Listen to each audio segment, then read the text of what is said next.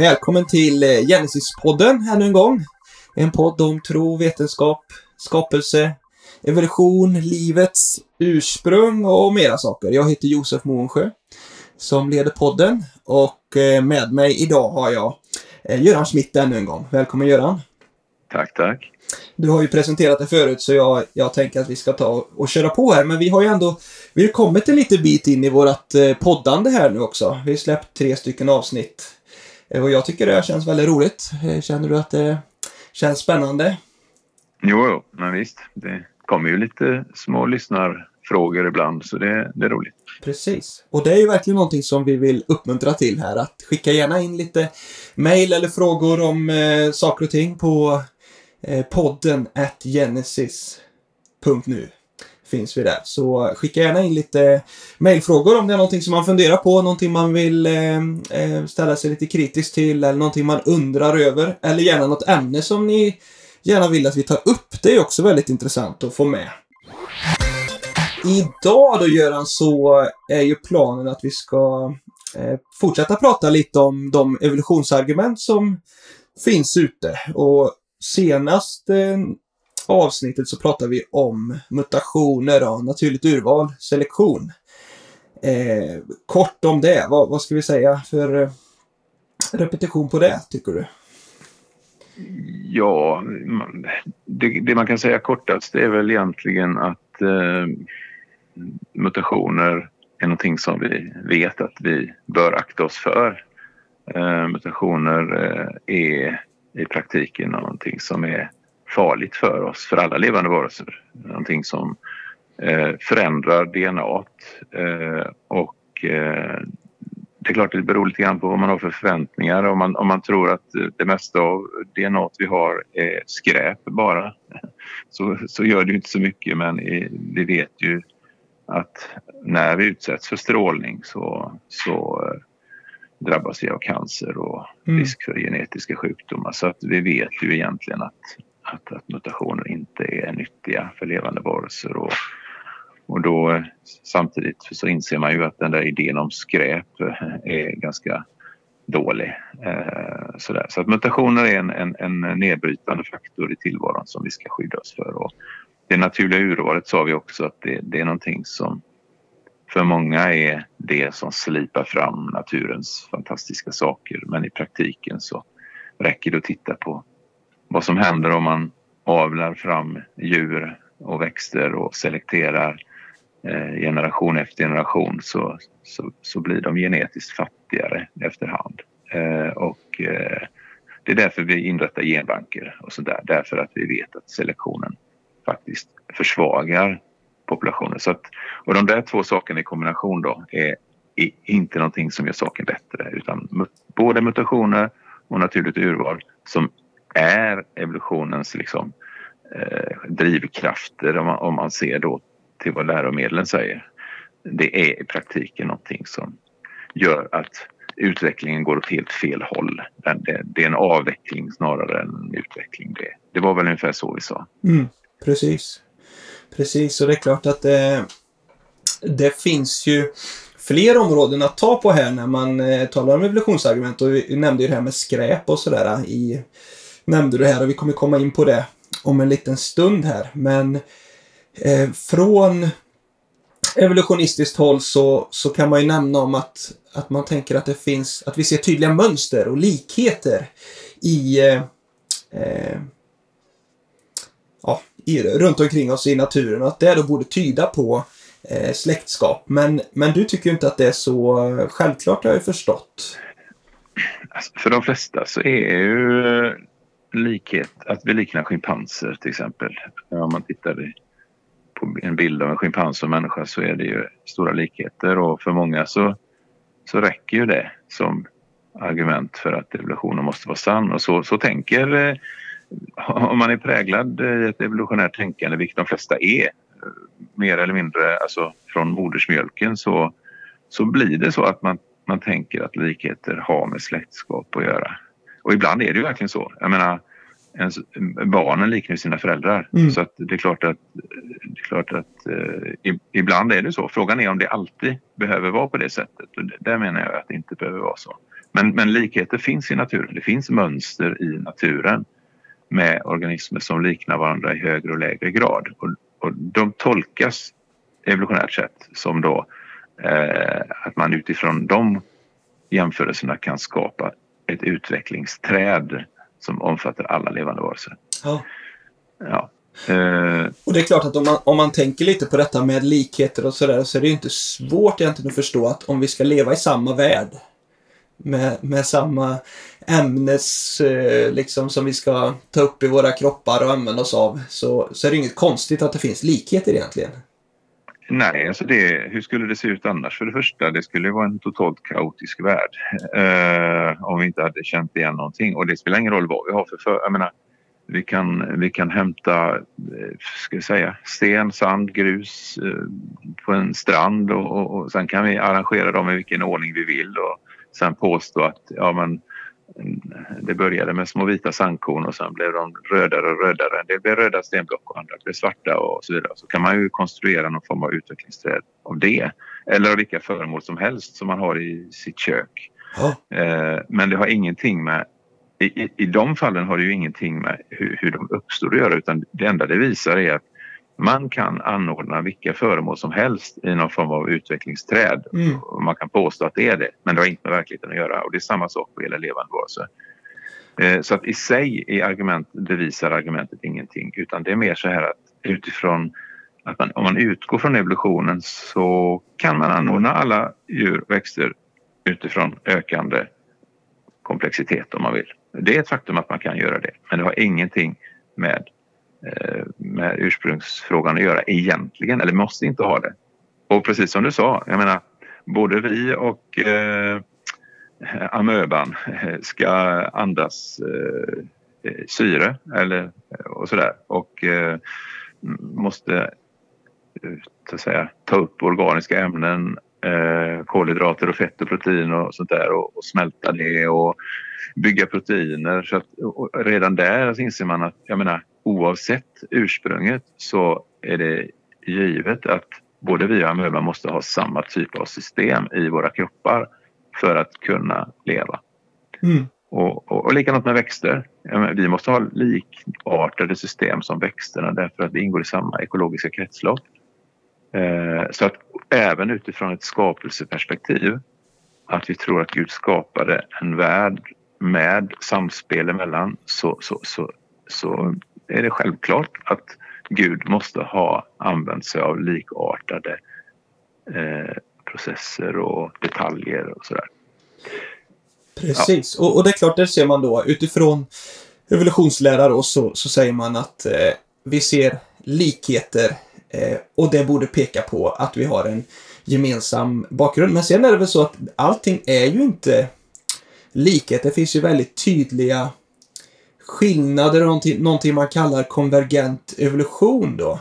Som är väldigt märkligt på ett sätt. Jag vet vi har nämnt om det lite innan va med eh, kan det ha varit valar och fladdermöss eller något Ja. sånt där, eller hur var det? Ja, ja jo, jo men det är ju eh, om, om man tar just det exemplet du nämnde där.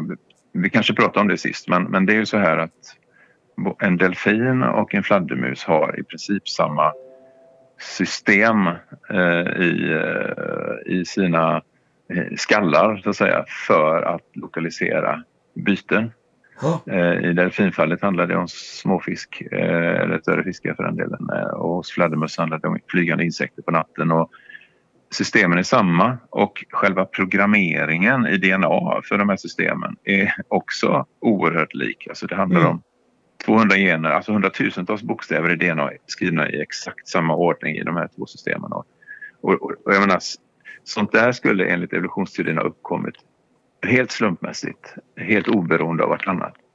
Och där kan jag ju som lärare säga att jag menar, hade jag fått två uppsatser när jag jobbade som lärare då, hade Mm. jag fått två uppsatser med hundratusentals bokstäver och ord i samma ordning från två elever så hade jag inte tvekat att säga att det här, det här är ingen slump.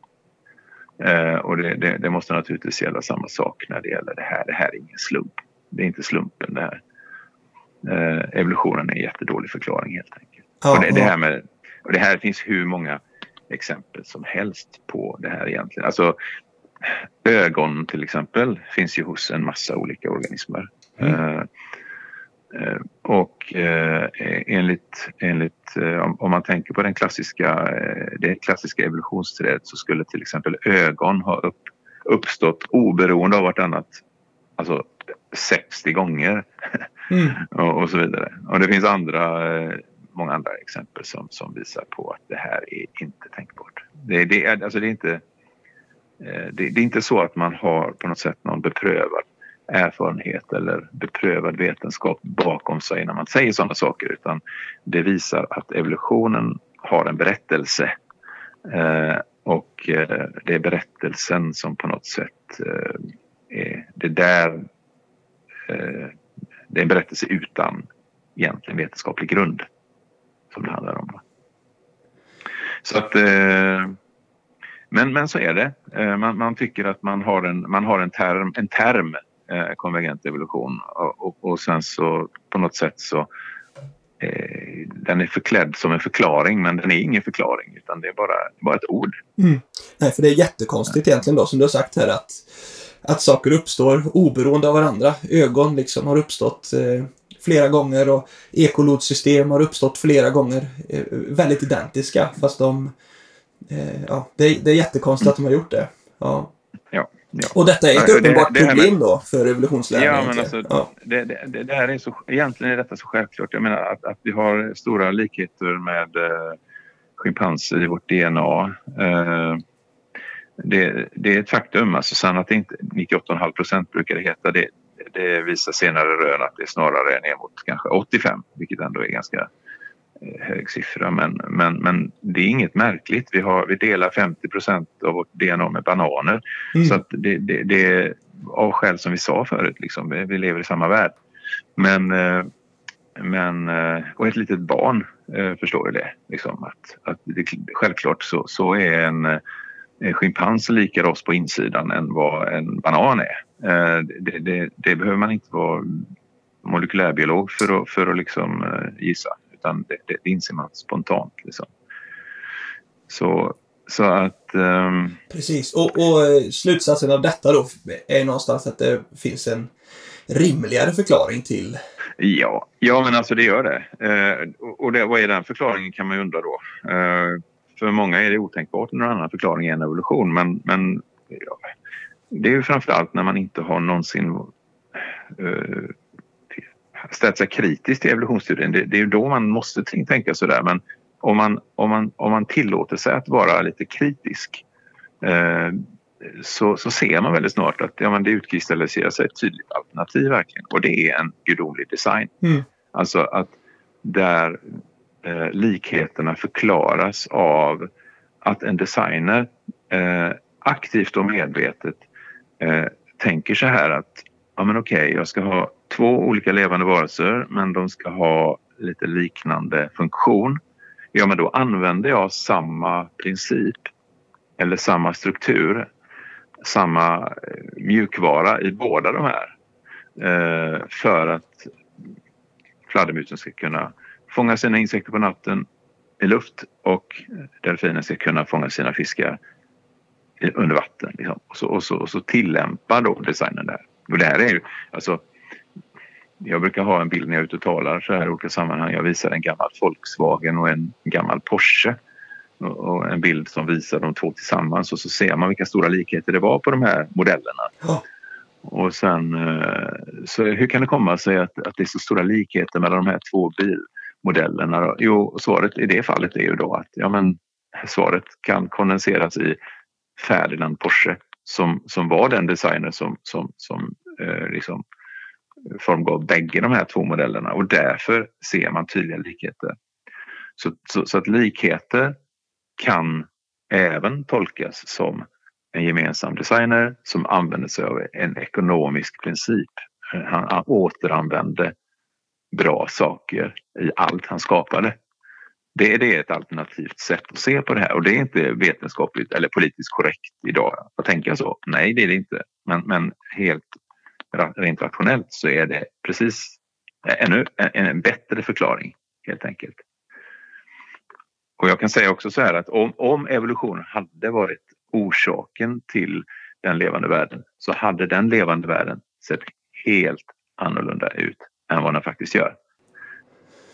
Just det, precis. Så det här är ju, någonstans är det ju att eh, likheter och sådär lyfts fram som ett argument från evolutionslärarens håll, men det är ju inte det. Det är ett ganska eh, tveksamt argument och eh, en gemensam designer är istället ett eh, eh, rimligare, ett bättre förslag många gånger eh, för att det finns brister. Ja, ja. Och, det, och, och, det, och det är ju liksom inte så bara att man, för det, vi tittar ju inte bara på en sak här, vi tittar Nej. inte på, på bara en lika, alltså tittar vi på var och en av de här argumenten i sig så, så kommer var, vart och ett av dem att peka mot någonting annat än slumpmässiga processer. Mm. Så att man, man, eh, det här är bara en, ett exempel, det här med likheterna. Att man kan tolka på olika sätt och, mm.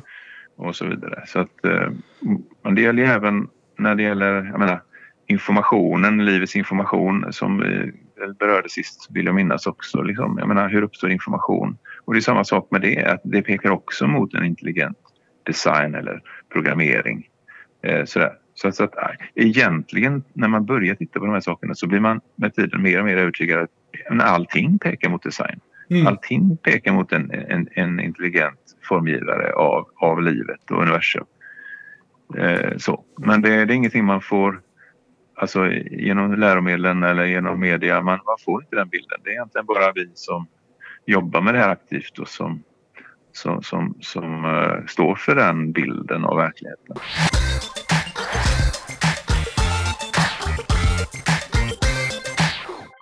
För att gå vidare lite då så ska vi också ta upp eh, kring det här med rudiment. Alltså rudiment, jag vet inte ens vad det betyder ordet egentligen, men det är ju gammalt eller förgånget eller någonting som är på väg ja. att försvinna, eller vad betyder det?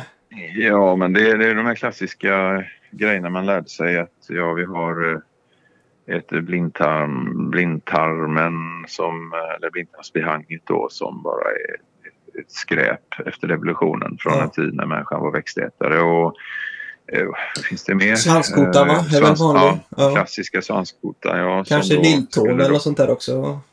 Ja, det finns, det finns en hel del som exempel. Och, och visst är det så funnits, att det, det fanns ju långa listor på sånt här för kanske hundra år sedan. Då kunde det vara över hundra organ i kroppen som man menade var på ja. väg att försvinna. Som var skräp ja. från evolutionens tid. Ja. Absolut, Men, absolut. Och, då, de, och det konstiga är att de har försvunnit. Mm. Uh, så de har fått funktion de där under de sista hundra åren. Alla de ja, just det. Det kan man skämta om, ja. Precis.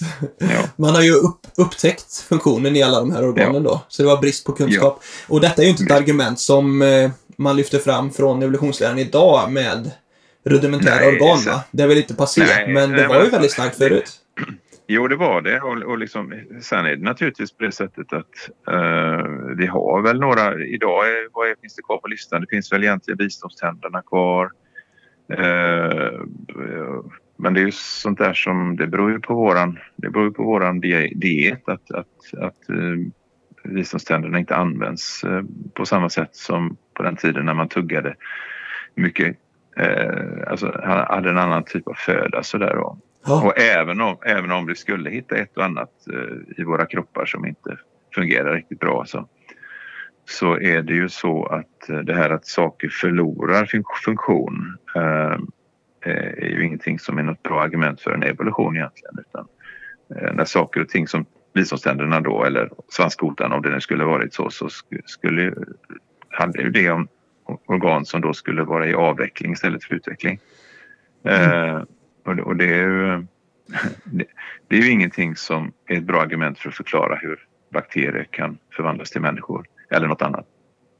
Precis. Egentligen. Och visst är det så att alltså, benämningen svanskotan då till exempel, det är ju väldigt ja. eh, det, det, är väldigt eh, Eh, pekande mot vad man tycker är väldigt åsiktsbelagt ord egentligen då. För att det skulle lika gärna kunna heta ja. ändkotan eller slutkotan istället för svans då. För det är ju... Ja, ja visst. Jo, men det är det. Det är det ju och, och, och den, ja, det vi måste ha, eller måste ha, man kan ju, man kan ju leva utan en svanskota. Men, men svanskotan i sig är ett muskelfäste. Eh, ja.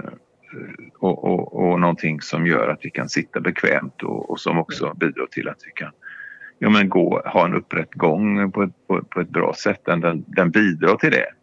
Sen kan man bryta svanskotan och man kan till och med födas utan den och ändå leva med. Det är samma sak med en tå. Man, eh, Precis, och, och man... någonstans ska ju ryggen sluta, eller? För visst är det sista kotan? Ja. Jo, jo, men så är det ju.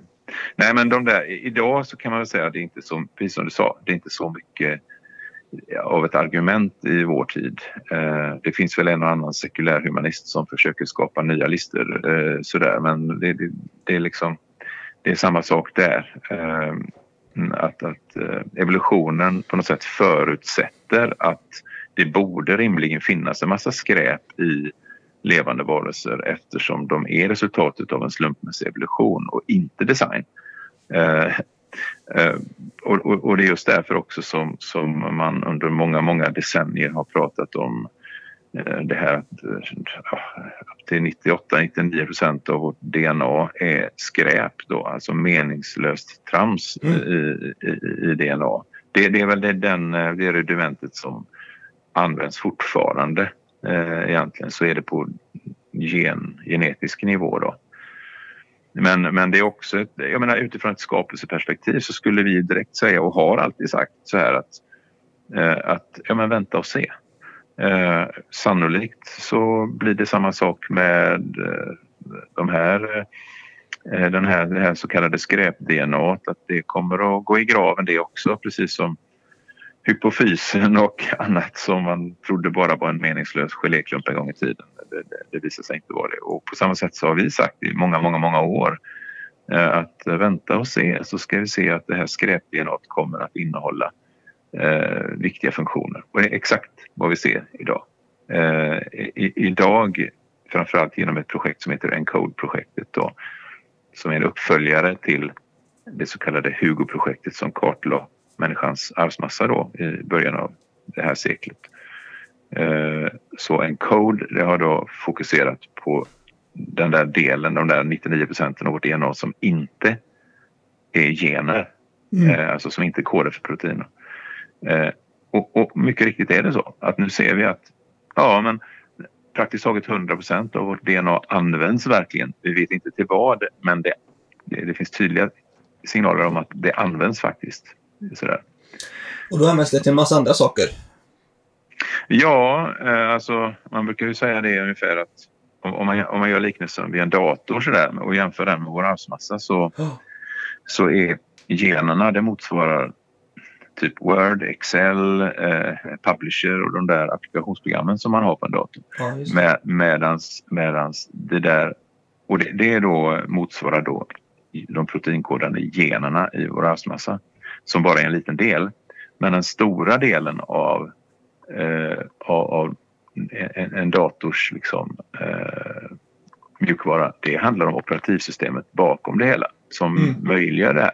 Och det är samma sak. Eh, det där så, så kallade skräp-DNA visar sig idag fungera ungefär som ett operativsystem som talar om när de olika generna eh, ska kopplas på, när de ska stängas av och alltså möjliggöra hela, hela, hela processen som är liv på något sätt. Eh, och det styr till exempel eh, saker och ting som, som när embryot utvecklas till en individ och, så vidare. Och hela tiden ligger i bakgrunden där.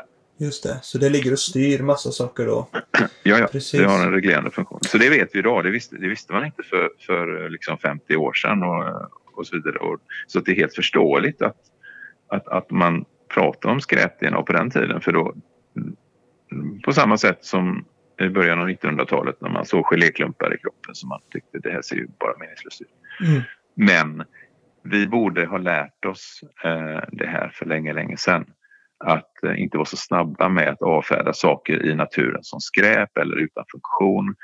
Eh, för all erfarenhet visar att när tiden går, när forskningen går framåt så upptäcker man hela tiden funktionerna som, ligger, som har legat där hela tiden.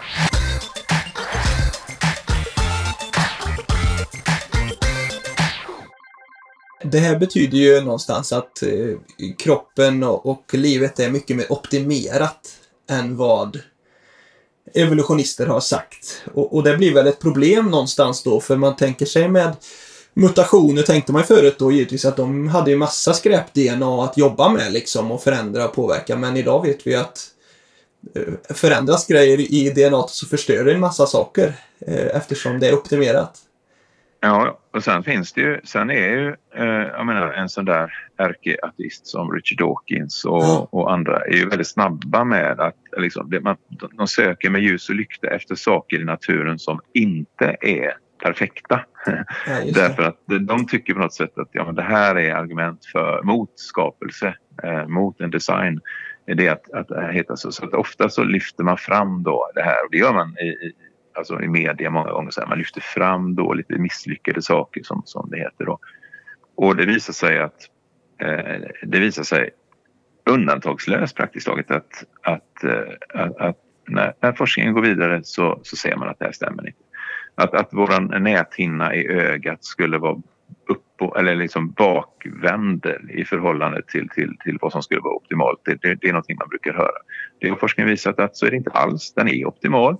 Sen betyder inte det att allting måste vara optimal, alltså, optimalt, eh, alltså, ska vi säga, eh, eh, menar, vi har, våra, våra ögon är inte falkens ögon. Alltså vi, vi, vi har inte falkögon när vi ser. Vi kan inte se på, liksom, på, på en liten sork på kilometerhåll Mm. som, en, som en falk kan göra. Å andra sidan så behöver vi inte det. Men det är samma sak som, som när vi har en laptop eh, och sitter med den. Den, den, är, inte, den är inte optimal liksom, vad gäller ergonomi eller, eller liksom skärmen kunde varit mycket, mycket större och så vidare. För att, men men, men den, är, den är optimerad ändå. Alltså den är, den är, alltså det, det, det handlar om designkompromisser Mm, som gör att den är perfekt för sitt ändamål. just det. Eh, och det är samma sak med saker vi har i naturen, i våra kroppar. Att det är optimerat utifrån de ramar som vi ska leva inom eller som, som på något sätt vi tänkte att leva inom. Ja, en designer och tillverkare Mm. behöver tänka på flera olika parametrar. För att det Ja, ska... inte bara att det ska vara... Det, var, det skulle vara rent slöseri att ha, ha liksom att över... Ska säga att ha, ha eh, så, sådär e- extrema komponenter i allting. Men det är klart, det är en teologisk fråga. Ja, Det är en teologisk fråga naturligtvis. Eh, men det ska inte vetenskapen ägna sig åt egentligen. Så att när Richard Dawkins och de där tar in det här att om Gud, om Gud hade skapat, då hade han istället gjort så här. Ja, vadå? Det är ju en teologisk fråga. Det är jätteintressant att diskutera det utifrån, alltså på ett, eh, bland troende. Men, men det är inget argument som man som ateist kan lyfta fram. Nej, alltså, varför gjorde Gud så här? för det är klart de flesta djur och växter och, och vi människor, vi fungerar ju väldigt bra på det stora hela. Det, det fungerar väldigt bra systemet. Det fungerar bra, men, Ja. sam- men samt, samtidigt ja, men vi vet att världen är inte perfekt. Nej. Och världen är inte nu som den var när Gud skapade den. Nej. Den här världen är trasig på, på, på många plan. Eh, när Gud skapade världen, då var den perfekt. Då var den optimal. Eh, inte så att vi hade falkögon då heller, det tror jag inte. Men, men, men idag är världen, mutationerna eh, har ställt till det. Och Mm. selektionen har också ställt till det eh, för oss och, och skapat eh, lett till genetiska defekter av olika slag. Ehm, Precis. så att... mm. Ja, det är bra. Alltså, vi får komma in på den mer gång, vända tror jag, Göran, här med eh, lite så här, det som man anser vara lite misslyckad, eh, misslyckad design eller halvtaskig design och sådär då. Men eh, det här är ju eh, intressant och det är ju, jag tror vi landar här någonstans idag kring, eh, kring hela. Ja, det här är ju de sakerna som brukar stå i. Alltså om man tittar i en skolbok i biologi Mm. eller sådär, naturkunskap eh, så, så är det ju där. Jag menar mutationer, naturligt urval, levande varelser liknar varandra och eventuellt skräp i, i våra... Det är, de där, det är det som brukar lyftas fram som, Mm. som liksom bevis mer eller mindre för, för att evolutionen är ett faktum. Och när man, och när man går igenom skolan, men då tror man på det. Eh, Auktoriteterna säger ju det. Men när vi tittar i detalj och går ner och tittar in på varje enskild detalj av de här argumenten så ser vi att plötsligt så lösts de upp. Och så ser man att det finns ett bättre alternativ. Nämligen att, att Gud har skapat världen. Ja. Eh, och som jag sa, det är politiskt inkorrekt. Eh, men, men det är det som evidensen egentligen pekar mot. Mm. Problemet är forskningen eller vetenskapsvärlden, akademiska världen är inte beredda att gå åt det hållet. Därför att man är så bundna vid en eh, alltså naturalistiska eller naturliga förklaringar till allting. Och då tycker man att då går man utanför vetenskapens gräns eh, och, och, och, och, så vidare. Va? Då, Ja. då blir det ovetenskapligt eller pseudovetenskapligt. Men det är, evidensen talar åt det hållet, pekar åt det hållet. Och som Sokrates så, sa, liksom att, att eh, alltså, jag vill följa eh, vägen dit den leder. Eh, Det är Mm. det vi måste göra också. Vi måste lära oss att våga göra det. Även inom Precis. den vetenskapliga världen. Och, inte, inte, och vi som kristna ska inte skämmas för Nej. att vi tror på en, en designer. All, allting annat, varför skulle vi på något sätt eh, hävda att ja, ja, men vetenskapen har rätt i de här frågorna och, eh, och, och att på något sätt sätta Gud i ledband på, på en, en, en naturvetenskap som egentligen eh, bygger på en filosofi. Att Gud inte finns. Mm. Jajamän, tack så mycket. Vet du. Jag eh, tänker så här, kommer man eh, på någon fråga nu, någonting som man reagerar på, så skicka gärna ett mejl till oss. Podden at genesis.nu och så återkommer vi med eh, fler spännande avsnitt framöver. Så tack så mycket för idag Göran. Mm, Så- tack, jättekul. Hörs vi igen. Ha det bra allihopa.